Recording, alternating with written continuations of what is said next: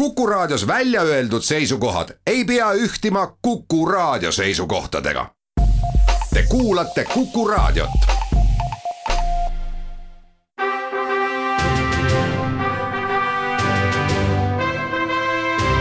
vahetund Tartu Postimehega. tere päevast, head sõbrad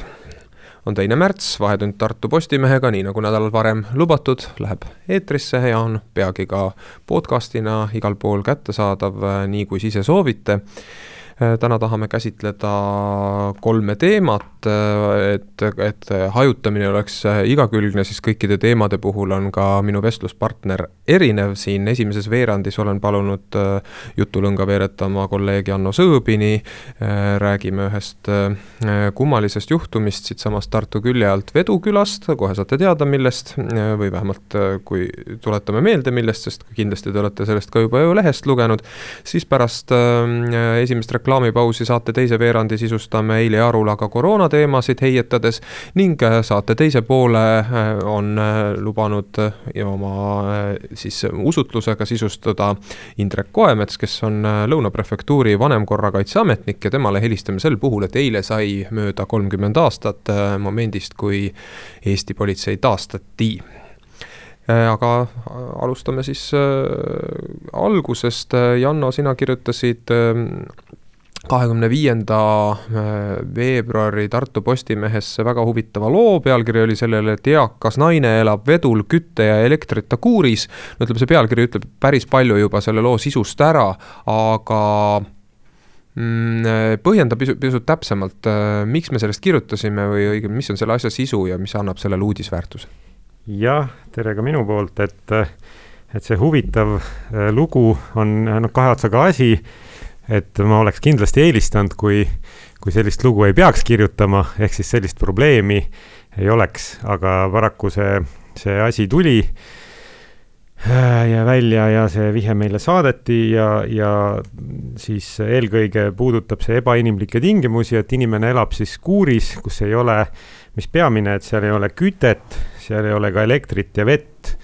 ja tegelikult ei ole tegu eluruumiga ja on, see on üks eakas inimene kes siis äh, eaka just, inimese nimi on äh, Julia, Julia Tšumakova. jah, ja, ja, ja, ja kes nagu justkui otsib lahendust äh, pealtnäha ja pöördus ka oma murega meie poole ja sai siis räägitud vallaametnikega ja naise endaga ja ka naise naabritega. ja selgus, et, et see probleem ongi selline hästi mitmetahuline ja seal ei ole äh,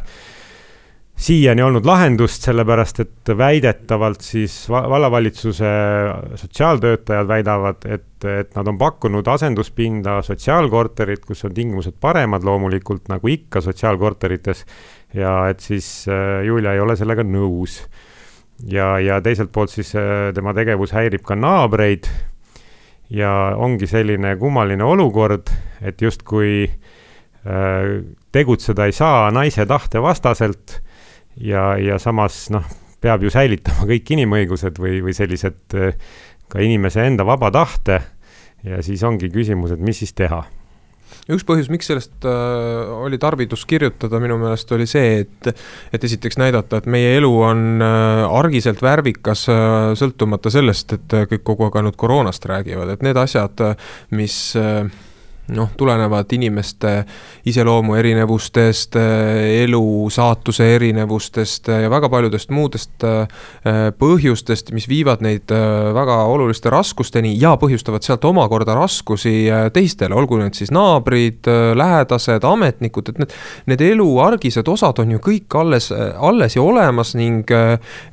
toosama end Baba Yaga'ks hüüdva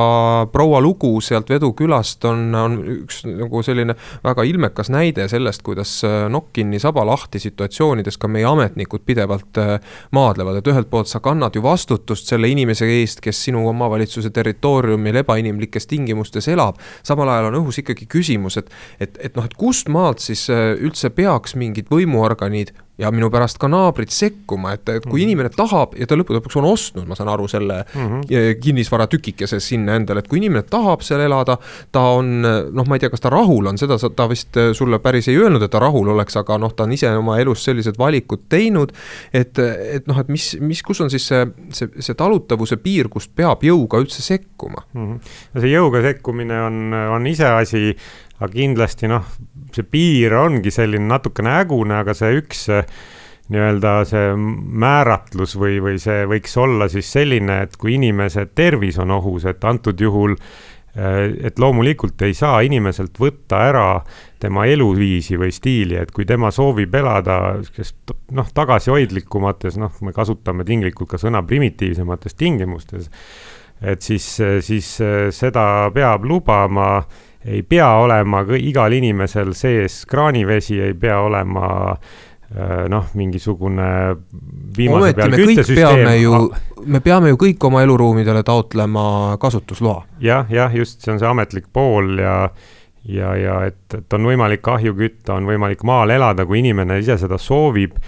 aga antud juhul mulle tundus, et inimese tervis on ohus, ehk siis kui ma sinna läksin, oli külma just olnud kakskümmend neli kraadi öösiti ja, ja noh, see, mismoodi ta seda kirjeldas, seda elu seal ja seda ööbimist ja, ja siis noh, nii-öelda tinglikult magamist, sest tegelikult magada ta ei saanud. et see on võrreldav, noh, ma ei tea, sellise Siberi vangilaagri tingimustega natuke, et, et selles suhtes teeb murelikuks ilmselt ka vallaametnikke ja, ja peab ikkagi, ikkagi sekkuma, et, et, et loomulikult neid inimesi on veel, kes nii elavad ka politseist oli mul, politsei esindajaga oli mul telefonis sellega leo-, selle looga seoses väike vestlus ja ta tõi just välja, et noh, Julia ei ole sugugi ainuke, kes sellistes tingimustes elab no eks ole ju linnadeski nähtud äh, no niinimetatud asotsiaale või, või, või kodutuid või, või, või neid inimesi, kes äh, noh, mis tahes põhjusel on sattunud elama sellistesse tingimustesse, mis meie enamiku jaoks äh, on noh, kõike muud kui vastuvõetavad. väga räpastes oludes elatakse või elatakse samamoodi kuskil kuuri all või keldris. noh, omaette küsimus on siis, kuidas elatakse üle talv, et siin päris, siin on natuke teistmoodi situatsioon, eks ole mm, -hmm. et ei ole meie siin mingit diagnoosi tähelepanijad ja kohtumõistjad, äh, kas Julia äh, on äh, noh, ma ei tea, teinud ise mingisuguseid vigu või mitte, aga fakt on see, et ta on noh, kuidagi mingite valikutega sinna jõudnud ja nüüd tema elu üldse mitte ohtu seadvast situatsioonist väljatuleku suhtes ei ole ta olnud ise just väga koostööaldis. jah, paraku tuleb seda tõdeda miks ma seda siin praegu äh, puudutan, ongi see, et, et mida meie ajakirjanikena kõige rohkem peame alati silmas äh, pidama, on see, et kuidas meie äh, võimuorganid, alates siis omavalitsuse ametnikest, toime tulevad nendele asetatud kohustuste täitmisega. kas siin selles loos on midagi, milles sina ajakirjanikuna võiksid siis vallavalitsust, olgu see siis Peipsiääre vald, kuhu siis nii-öelda registri järgi Julia on kantud, aga Tar-, aga ka Tartu vald, kust siis tegelik sündmustik aset aset leiab, et kas need omavalitsused on jätnud midagi tegemata? no väidetavalt on nad äh, tege-, tegemas seda, et nad on ehitamas äh, välitualetti selle maja juurde, no mis on oluline, sest seda ei olnud ja sees ka ei ole tualetti. aga noh, no muidugi see küsimus jällegi, et kui kiiresti ja kas see kõik on toimunud piisavalt kiiresti, noh, seda on nüüd raske, on ka seda hinnangut anda, et noh, jah, mingis mõttes võib ju öelda, et oleks võinud sinna mingisuguse renditualeti kohe paika panna ja seda asja kiiremini ära lahendada, aga samas oli ka see, et jaanuari lõpus see kiri naabritelt läks äh, vallavalitsusele. nii palju, kui mina tean, nii et äh, noh, eks see. Julia on seal elanud juba tegelikult eelmise suve algusest. Äh, maikuus on mm, -hmm. ta ütles mulle, et ta asus sinna elama ju siis suvel ei paistnud probleem nii palju välja ja,. jah, jah, ja, ja, ja noh, ja veel on juriidilised küsimused, mis on, võivad olla üsna keerulised, et põhimõtteliselt on võimalik sekkuda,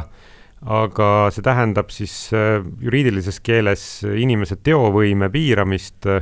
mis antud juhul on ka selline kohtu kaudu käiv äh, protsess, ma ütlen siia vahele, et ma kaugeltki ei ole selle ala ekspert, see, see nõuaks eraldi uurimust ja eraldi lugu lausa aga siiski noh, et, et tegelikult ju on see ka nagu halb, halbadest variantid, variantidest võib-olla ha, halvim variant, et et parem oleks see, kui õnnestuks, õnnestuks Juliaga kokku leppida ja, ja noh, see, see mure siis, et vald ei taga piisavalt järjekindlalt selle, et ta sealt sotsiaalkorteris ööbida, elada saab, et on mures selle pärast, siis noh, see ei ole võib-olla nii õigustatud mm. -hmm. no mida me saame võtta, teha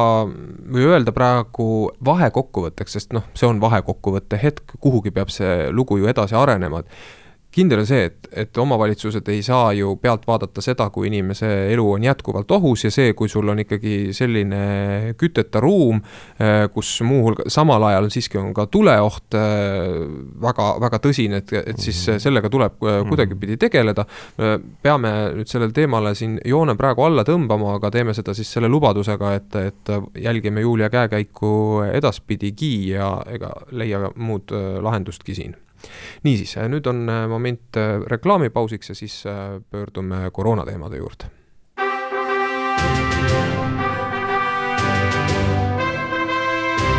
vahetund Tartu Postimehega.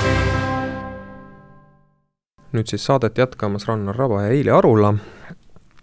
koroona on meil kohustuslik saate osa juba mõnda aega olnud, ehkki tegelikult ju ei tahaks. aga põgusalt tahame seda hetkeolukorda siiski markeerida, mis meil ähm, praegu akna taga toimumas on, loodetavasti just nimelt ainult akna taga, mitte kellegi kopsus ähm, Vaadates nüüd viimase aja äh, nakatumise numbreid, mis kogu Eesti on äh, tõstnud äh, noh, terve maailma kontekstis äh, halvas, halvas nimekirjas esimeste sekka, siis peame nagu noh, kas ma ei tea, kas eneserahustuseks, tegelikult kindlasti mitte eneserahustuseks, aga, aga selguse huvides ikkagi vaatama seda ka, et mismoodi on meil Eestis piirkondlikult asjalood ja kuidas paistavad välja Tartu maakond ja Jõgeva maakond noh, siis äh, seda peab, saab ju öelda, et, et, et Tartu maakonna viimase neljateistkümne päeva haigestumus saja tuhande inimese kohta on viissada viiskümmend kaks, see on meeletult suur number, aga kui me nüüd vaatame ülejäänud Eestit, siis meist Tartu maakonnast siis kehvem, mitte kehvem, vastupidi parem tulemus on, äh, on Jõgevamaal äh, nelisada kaheksakümmend viis, Viljandimaal nelisada üheksakümmend neli, Põlvamaal nelisada nelikümmend kuus, Valgamaal viissada kolm ja Hiiumaal kolmsada kaheksakümmend kuus ja kõik muud piirkonnad on meist nii-öelda punasemad ja kui siit veel välja tuua, siis eks ole, meie viiesaja viiekümne kahe kõrvale indikaatorid Harju maakonna kohta on tuhat kolmsada kaheksakümmend üks, Lääne-Virumaal tuhat üheksakümmend kuus, Ida-Virumaal tuhat kakssada kakskümmend neli ja mind üllatas väga viimases statistikas Saare maakond tuhat seitsesada kaheksakümmend kolm, et Saaremaaga on jälle asjad käest ära, ma näen siit. et kas meil on põhjust kuidagi turvaliselt ennast tunda, ilmselt ei ole, eks ole, Eili? Ei, absoluutselt mitte, et selles mõttes, et äh, okei okay,, need piirkonnad ja nakatumisnäitajad eri piirkondades on tõesti väga, väga erinevad äh,, kuid ikkagi me peame ju vaatama seda, et Eesti on väga väike, liikumisi on, on inimeste vahel piisavalt ja, ja eks neid äh, noh, nagu elu on näidanud, siis neid nii-öelda koroonamulle plahvatab siin ja seal äh, ikka aeg-ajalt, nagu oli Tartuga siin äh, mingil hetkel, nagu oli Jõgevamaaga äh, veel alles äh, eelmise, noh, aastavahetuse paiku ja uue aasta alguses mm. -hmm. nojah, et aeg on näidanud, et need olud võivad piirkonniti ka sellise pisikese riigi, nagu seda on Eesti kontekstis, muutuda väga kiiresti, et kui ühe noh, ütleme, üks nädal on üks piirkond epitsentriks, siis nädala-paari pärast võivad need asjad olla hoopis teistpidi noh, ja tegelikult äh, võib-olla võiks sedasama täheldada ju äh, ka riikide kaupa, kui me võtame näiteks Euroopa, siis äh, pilt on ju siin ka võrdlemisi kähku muutunud, et see punase laterna roll Eestile on tekkinud ju väga lühikese ajaga, samal ajal kui me alles siin mõni nädal tagasi võisime öelda, et Lätis on asjad ülihalvasti ja Leedus täpselt samamoodi, siis nüüd on nende näitajad jällegi tunduvalt tagasi tõmmanud. ma ei tea, kuivõrd on seal olnud äh, tegemist äh,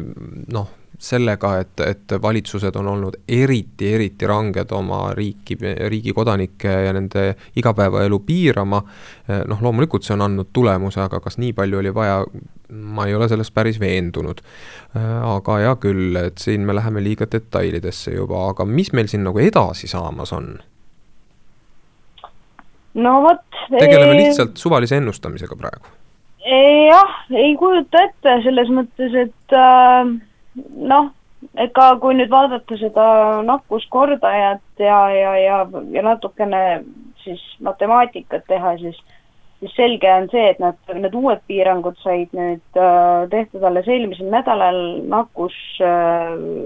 nakkuse leviku puhul ja me nüüd järgmised paar nädalat kindlasti näeme pigem tõusvaid numbreid kui langevaid, ma, ma kahtlustan. või siis noh, mis jääb enam-vähem samasse suurusjärku, et tõesti mingisuguseid järeldusi nendest juba kehtivatest piirangutest või, ke või just kehtestatud piirangutest me saame alles ilmselt tõesti märtsikuu lõpul, lõpupoole teha et äh, seniks on vara ennustada, aga noh, äh, ega need piirangud on ju ikkagi sisse seatud selleks, et olukord, olukord paraneks ja see, neid tulemusi saab tõesti alles kahe nädala pärast hinnata. enam-vähem nii see vist on jah, et mingisugust la langust võiks ju noh,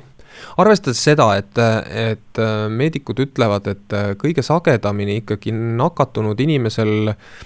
siis äh, nähud tekivad äh, kolme-nelja päeva jooksul, et päris kahte nädalat ei pea ära ootama. Eh, ehkki see peiteaeg võib ka nii pikk olla, et siis mingi, mingi reaktsioon võiks ju ka nädalaga tekkida, aga see on jälle sihuke kohvi paksu pealt jutt, et võib-olla nii, võib-olla naa, loomulikult me ei ole siin asjatundjad ega, ega seda, seda oska öelda ka tegelikult asjatundjad. aga selge on see, et kui kahe nädala pärast mingisugust muutust paremuse poole ei ole toimunud, meie nakatumise number Eestis tervikuna ei vähene, siis on midagi väga valesti korraldatud, ehk siis kusagil on ikkagi äh, piirangud kas liiga leebed või mis veel tõenäolisem, on, on kehtestatud piirangud vales kohas. jah ka nii võib olla, aga täpselt, et seda me näemegi, näemegi mõne aja pärast. mis puudutab seda äh, nakatumist ja, ja, ja see nakatunud inimeste hulka, siis minu meelest viimase aja üheks väga heaks indikaatorsündmuseks oli, oli siis äh, Tartu maraton, kus siis noh äh,, juba enne maratoni meditsiinipealik Andres Laugamets ütles, et äh, on väga vähe tõenäoline, et pärast maratoni ei tule välja ühtegi koroonaviirusega Äh, nakatunud inimest, tal oli õigus, et neid nakatumisi või nakat-, äh, koroonaviirusega nakatunud inimesi Tartu maratonil osales, tõsi, seal, seal kohapeal need nakatumist ei ole nagu,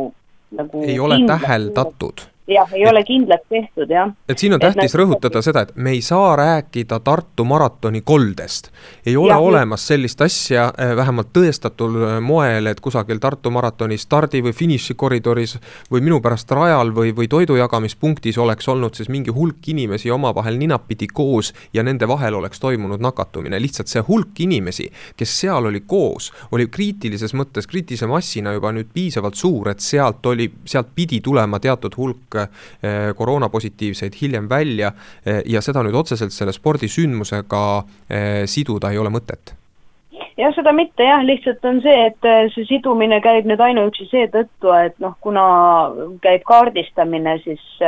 ka selles, selles osas, et kes need Äh, selle nakatunuga kokku puutusid seal ja seetõttu, seetõttu nii-öelda maratoni meditsiinimeeskond äh, tegeleb paralleelselt Terviseametiga siis nende lähikontaktsete väljaselgitamisel, seetõttu, seetõttu oleme meie ka neid uudiseid kirjutanud nii-öelda maratoni valguses, kui tõesti koldest ei ole seal nüüd küll juttu mm. -hmm. reeglid on reeglid äh, ja kuni me lähikontaktseid ikkagi välja selekteerime, ma saan küll aru, et Terviseamet mõnes Eesti piirkonnas on nende teavitamise ja, ja, ja kindlaksmääramisega ikka väga, väga hätta jäänud, siis noh, hea küll, et siis me peame seda tegema ja paratamatult iga ehm, noh, rahvarikast äh, iga rahvarikas sündmus, mis meil siin hiljuti on toimunud äh,, peab arvestama sellega, et, et kuidagipidi tema nimi ka selles koroona teemas jälle esile kerkib. aga nüüd äh, lõpetuseks peaks ju ühte asja veel tõdema, et, et kui nüüd mm, et vaktsineerimine peaks olema nüüd ju jõudnud juba sinnamaani, kus see hakkaks meie statistikas ka suremust vähendama, aga siiamaani seda veel ei paista. ja nii, nagu ma enne ütlesin, et umbes kahe nädala pärast peaks üldine haigestumise näit langema hakkama, kui kõik on tehtud õigesti, siis kui kõik on tehtud õigesti, peaks ka umbes noh, kuu aja pärast meil suremus oluliselt äh, vähenema hakkama või noh, hea küll, et tegelikult peaks see ju kaduma, kui me räägime, kaduma või enam-vähem kaduma, et kui me räägime sellest, et, et riskigrupid peavad saama kuu aja jooksul äh, vaktsineeritud mm. -hmm, jah, et noh, siin on muidugi olnud nende vaktsiinitarnetega veidikene ka probleeme ja, ja täna, tänase minu päeva teema on ka see, et lisaks, lisaks nendele, kes on juba määratud, ootavad vaktsiini ka eh, pikisilmi, nii siis elutähtsalt vajalike teenuste pakkujad on siis need, kes tegelevad äh, veevärgiga, kaugküttega, elektriga, kes, kes tegelikult ka on, on, on nii-öelda riskirühm selles osas, et kui üks veevärgi töötaja nakatub koroonaviirusega ja peab jääma kodusele režiimile, siis on mingisugune piirkond täiesti kaitsetu mm. -hmm. Neid valdkondi on veel, aga nüüd me peame Eili tõmbama siin ähm, pooltunni uudiste tarvis äh, otsad kokku, äh, vaktsineerimisest kindlasti räägime järgmisel nädalal äh, ka. soovime siis kõigile head tervist senikauaks, kuni tarvis kuulata uudiseid ja olge ikka meiega koos ka saate teises pooles.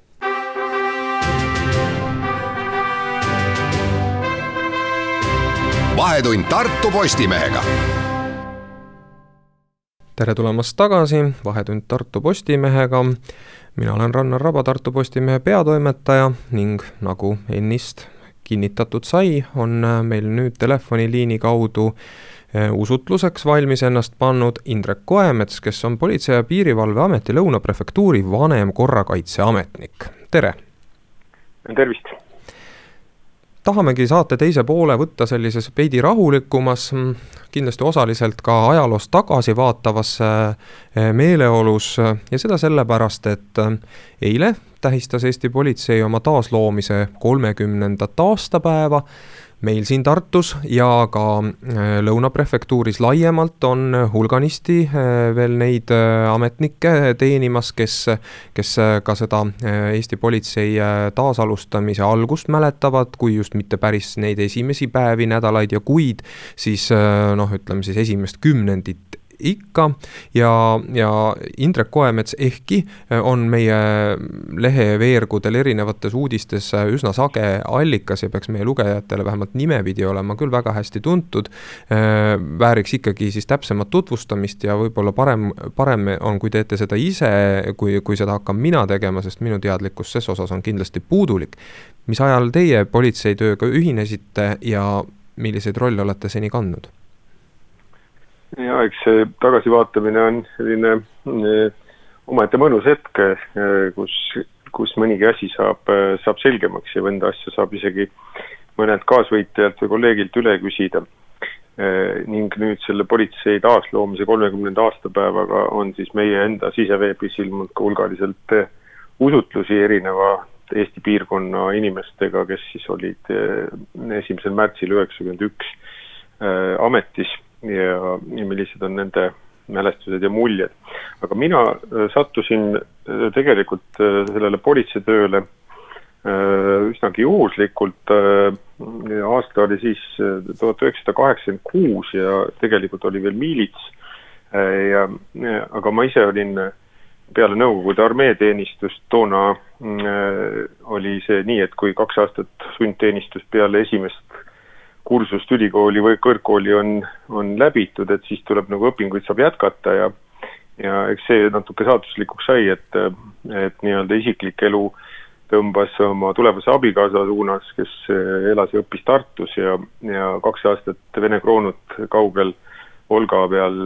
noh, hoidis meid lahus ja siis ei tulnud mul sellest Tallinnas õpingu jätkamisest Tehnikaülikoolis palju välja ja olin näinud äh, meie erialatunnis ühte miilitsavormis meest, kes töötas aut-, riiklikus autoinspektsioonis ja ja ütles, et selle autoinseneri eriala pealt on lõpetajaid ka sinna oodatud ja see mulle nagu huvi tekitas. tulin täitsa pimesi Tartusse uurima, äh, kas sellist pooliku kõrgharidusega meest autoinspektsiooni vaja võiks olla ja, ja kahel käel võeti vastu ja, ja siis äh, kogu see karjääri algus äh, kukkus tõesti sellele väga äh, põnevale ajale tegelikult ka, ka Eesti ajaloos, et, et alles ma sellise mundri siis selga sain ja oma õppused läbitud ja esimesed tööülesanded täidetud, kui juba kaheksakümne kaheksandal Tartus äh, revimuusikapäevadel sinimustvalge välja tuli ja, ja juba siis üheksakümnendal aastal äh, hakkas Tartu äh, linnavalitsus äh, Äh, nii-öelda ennaktempos kohaliku algatusena taaslooma siis kohalikku politseid. Ei olnud veel, olime ju Nõukogude Liidu koosseisus, oli siis küll Eesti Vabariigiks juba ümber nimetatud riigi nimi, aga aga vabadust veel väga ei olnud. Ja, ja ja samal üheksakümnendal aastal mäletan, läks kes Tartu kesklinnast rahvaalgatusena nii-öelda viidi öösel kraanaga ära siis see Lenini kuju ja, ja kõik see olukord oli selline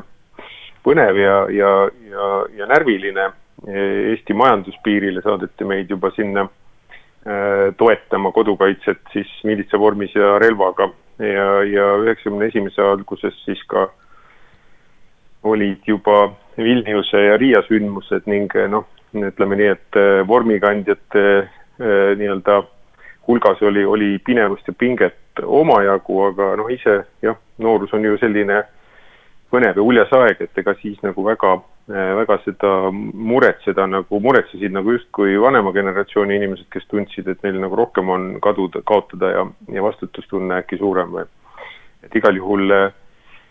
see, see moment, et kui juba üheksakümne esimese aasta märtsikuu alguses nii-öelda ametlikult siis politsei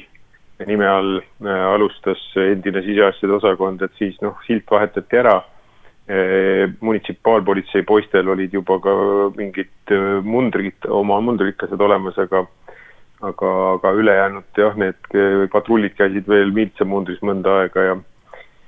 ja, ja ühesõnaga sain teha seal mm, kuni üheksakümne seitsmenda aastani nii-öelda politsei slängis praegu räägitakse, et töötada päris põllul ehk siis noh, eesliinil patrullis äh, avariikorrapidajana, juurdlejana äh, ja, ja alates üheksakümne seitsmendast äh,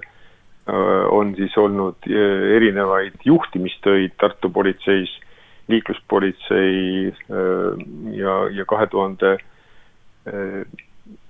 neljandast aastast Tartu politseiosakond,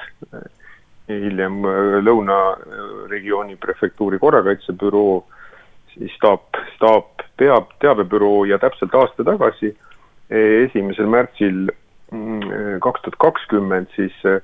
lõpetasin nagu oma juhi karjääri ja, ja võtsin vastu siis uue pakkumise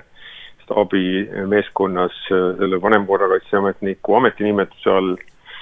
juurutada ja olla abiks siis mm, kolleegidele innovaatiliste lahenduste käimapanekul ja noh, nii-öelda siis selle kiire enda elukäigu, politsei elukäigu läbikäimise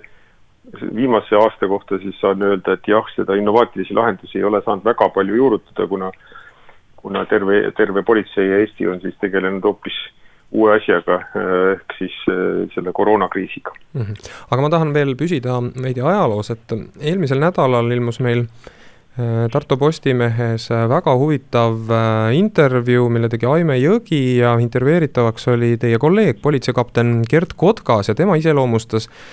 seda üheksakümne esimest aastat ja noh, neile, sellele järgnenud aastaid äh, nii, et ta ütles, et kõik, kogu elu oli sel ajal kuidagi nihkes ja, ja erinevad elud toimusid kuidagi paralleelmaailmades. kuidas teie seda mõistate? Äh, jaa, Kertiga oleme me äh, ka pika karjääri koos teinud ja, ja ma saan täiesti aru, mida, mida Gert äh, nende sõnadega väljendada tahtis, et või väljendaski, et, et tõepoolest ma toon siin ka ühe võrdluse kuulsa tartlase Peeter Volkonski suust, kus kunagi ajakirjanik püüdis talt uurida, et kui kõigi, noh, tema oma isa tõttu oli võimalik seal ähm, segasel ajal äh, lahkuda Nõukogude Liidust Prantsusmaale elama, aga, aga teda, seda ta ei teinud ja siis uuriti, et miks sa seda ei teinud ometi, siis Volkonski ütles, et kuidas saab ära minna maalt ja kohast, kus nii palju pulli saab. et noh, jah, et äh, see muidugi politseiniku suust võib kõlada sellise nagu ebaturvalisena, et nüüd nautida seda olukorda, kus on hästi palju segadust, anarhiat ja saab nii-öelda pulli, aga aga jah, see nihkesolek tähendas tegelikult tõesti ju seda, et et, et meie esivanemate, minu vanemate ja nende põlvkonna vaates oli, oli selline kõik kulu, kulgenud hästi aeglaselt ja see stagnatsioon, noh, nii-öelda seisak oligi täiesti reaalne, et kümne aasta jooksul ei arenenud elus noh, suurt mitte midagi, halvad asjad püsisid ja läksid isegi natuke halvemaks ja, ja noh, paremaks läksid väga visalt asjad et siis see vapustus, mis nii-öelda siis vanade paradigmade kokkuvajumisega seal kaheksakümnendate lõpus toimus, oli, oli tõesti meeletu. et näiteks liikluspolitsei tööliinis, mis, milles ma siis nagu kättpidi kogu aeg sees olen olnud ja siis eriti vahetult sündmuskohtadel sõites ju üheksakümne esimesel aastal hukkus Eesti liikluses nelisada üheksakümmend üks inimest ja väikeses nii-öelda Tartumaa piirkonnas hukkus sama palju inimesi kui praegu terves Eestis kokku. kusjuures autosid oli oluliselt vähem kui praegu autosid oli väga, suhteliselt vähe, see oli privileeg, eks ju, et sul on sõiduk ja, ja siis olid ka veel need kütuse kättesaamise probleemid ja igasugused sellised eh, nii-öelda nihkes asjad, aga samas eh,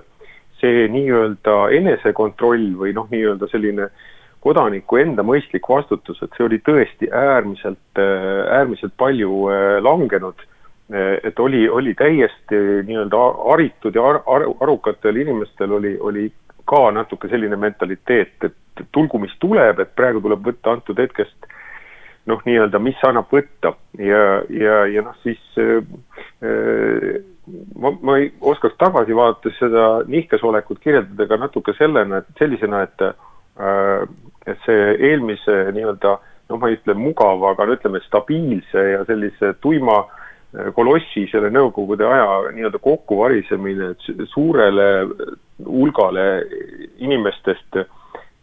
tekitas küll hinge mingi lootuse ilusa ja parema ja tuleviku suunas, aga tegelikult tekitas tohutu ebaturvalisuse tunde sest nüüd ei olnud järsku toetuda nagu mitte millelegi, et isegi see halb Nõukogude Liit nagu suutis hoida teatud asju, no kas või sedasama purjuspäi ringi rallitamist või varastamist või, või, või siis vägivalda mingilgi määral kontrolli all, et siis nüüd, nüüd korraga pääses see nagu paisu tagant ja igaüks võitles ainult nii-öelda iseenda eest. Ja noh, kui täna mõtleme jah, siis äh, mäletan, et tolle, tollel ajal kunagi, kui väliseestlased no ühesõnaga ühe humoorika või sellise noh, hale humoorika võrdlusena on toodud, et, et kui väliseestlased äh, Neid küsiti midagi sellist, et miks te siis politseid ei kutsunud, et noh, see või see võrdlus nagu, et küüditajad, miks, et kui tulid küüditajad, et miks te siis politseid ei kutsunud, et turvalises riigis on su usaldus politsei vastu nii suur, aga, aga tõesti, ma julgen öelda, et äh, et üheksakümne esimesel aastal Äh, tõesti natuke loodeti, et see on nüüd meie enda politsei äh, teistsuguses mundris, see ei ole enam miilits, no ehk läheb paremaks, ehk nad hakkavad eesti keeles rääkima ja mingi lootus siin on, aga aga tegelikult, kui tänastega äh, võrrelda, siis nagu inimesed reaalselt selle politsei peale veel loota ei julgenud, lihtsalt mm. ei julgenud. nii, nüüd on meil paras moment teha väikene reklaamipaus ja siis Indrek Koemetsaga räägime politsei kolmekümnest aastast edasi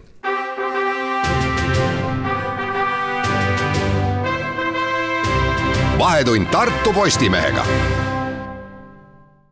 jätkame saadet sedamööda, et äh, pühendame tähelepanu Eesti politseile, sest hiljuti on möödunud kolmkümmend aastat selle organisatsiooni taasloomiseks. minuga on äh, saates äh, Politsei- ja Piirivalveameti Lõuna prefektuuri vanemkorrakaitseametnik ja, ja väga, väga kogenud korrakaitsja Indrek Koemets. esimeses selleteemalises veerandis oli siin juttu siis sellest, milline, millised meeleolud valitsesid äh, üheksakümnendate alguses, kui praegu meile kõigile tuntud,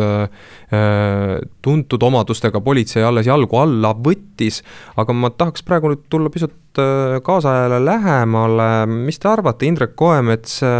milline on praegu politsei staatus ühe, ühiskonnas nagu laiemalt, et kui,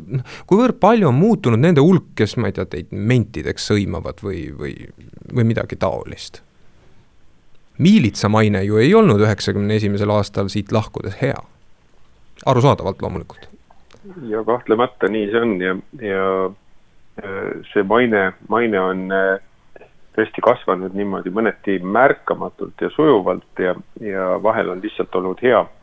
eh, saada teatud nagu võrdlusmomenti, et eh, noh, meie suured eeskujud,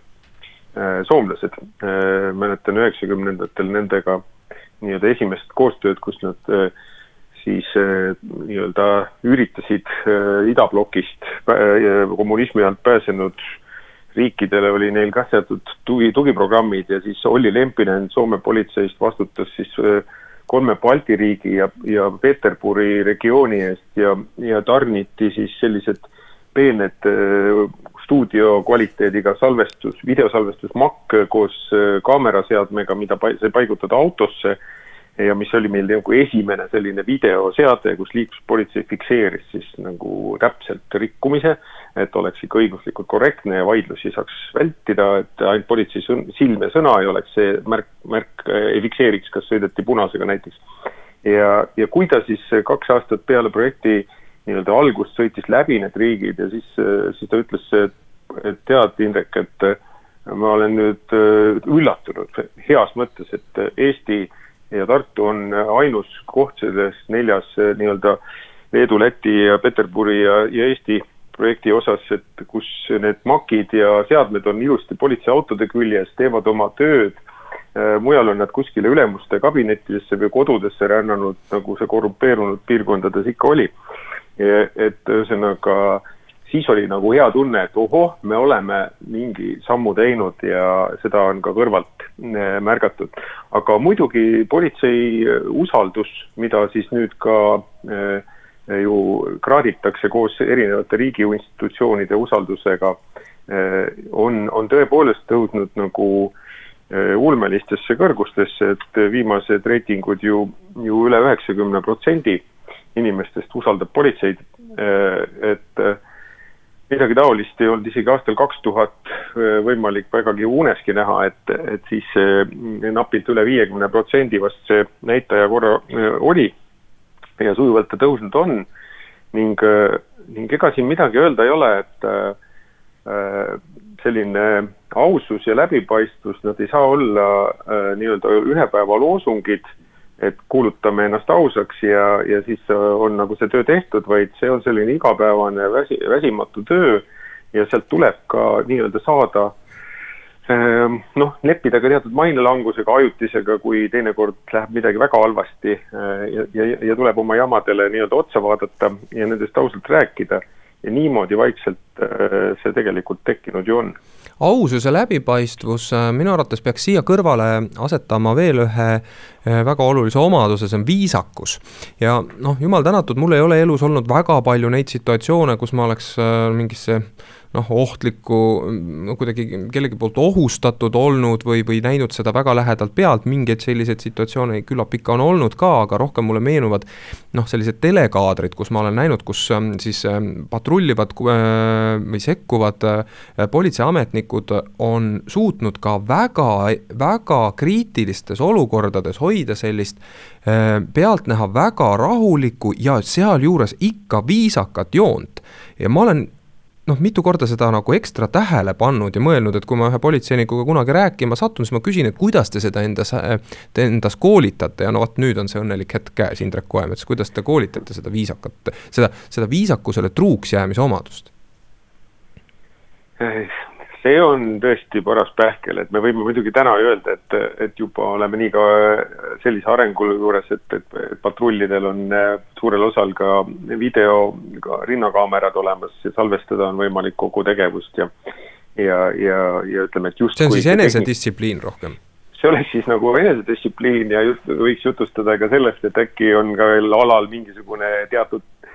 hirm või kartus, et, et asi, tuleb kaebus ja, ja siis tuleb aru anda sisekontrollile, aga noh, see tegelikult on tänavu, ma ütlen nii, et, et me, meie sisekontroll ei talu, ei taju politseinikud vist ammu juba enam nagu sellise nii kuidas öelda, meie järgi luurava organisatsioonina, vaid vastupidi, et see, et asjad vaagitakse neutraalselt läbi, tuuakse ka ebaõnnestunud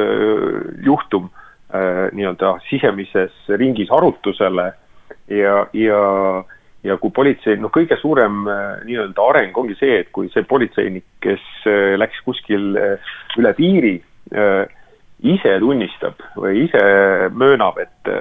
et see läks nüüd halvasti ja ma olen nõus, küll on häbi mul, aga sõbrad, vaadake, ärge, ärge nii enam tehke, eks ju. et, et noh, sellist asja ma usun ja see pole küll muidugi väga sage aga,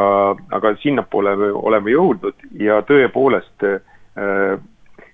selline hea noh, kuidas öelda, kolleegi kõrvalnägemine ja tunnustamine, et olen ise teatud olukorras, kui tundub, et närv läheb mustaks ja, ja juba tahaks nagu äkilisema sõna või, või käigu peale üle lülitada ja siiski teha täpselt nii, nagu see küsimus kõlas, et kui, kui näen kõrval inimest ja kolleegi, kes suudab ikkagi rahu säilitada ja, ja, ja toob nii-öelda kastanid tulest välja väärikalt, et siis tegelikult on selline, no kuidas öelda, hea ja uhke tunne, et, et tahaks õppida äh, just sellelt kolleegilt, kes, kes suudab rahulik olla, mitte sellelt, kes suudab äh, krõbedate sõnadega kedagi nii-öelda kiirelt paika panna, et see pole nagu eriline väärtus. Ma ei mäleta, millal see arusaamine minus äh, tekkis, aga küllap juba suhteliselt, suhteliselt ammu varajases nooruses, et et, et hea politseinik on see politseinik, kes, kes oskab nii nagu parimates lääne filmides olla mitte ühiskonna sanktsioneerija ja käskija, vaid on tulnud ikkagi ühiskonda ennekõike teenima, Indrek Koemets, aitäh, et teenisite praegu see pool tundi ühiskonda läbi selle intervjuu, soovin teile teie kõigi, kõikidele kolleegidele palju tervist, vaprat meelt ja, ja vastupidavust, et et äh, Eesti politsei hoiaks ikka oma usaldust ja meie turvalisust. ja nüüd tõmbame saatele joone alla, kõike head ja kohtume nädala pärast.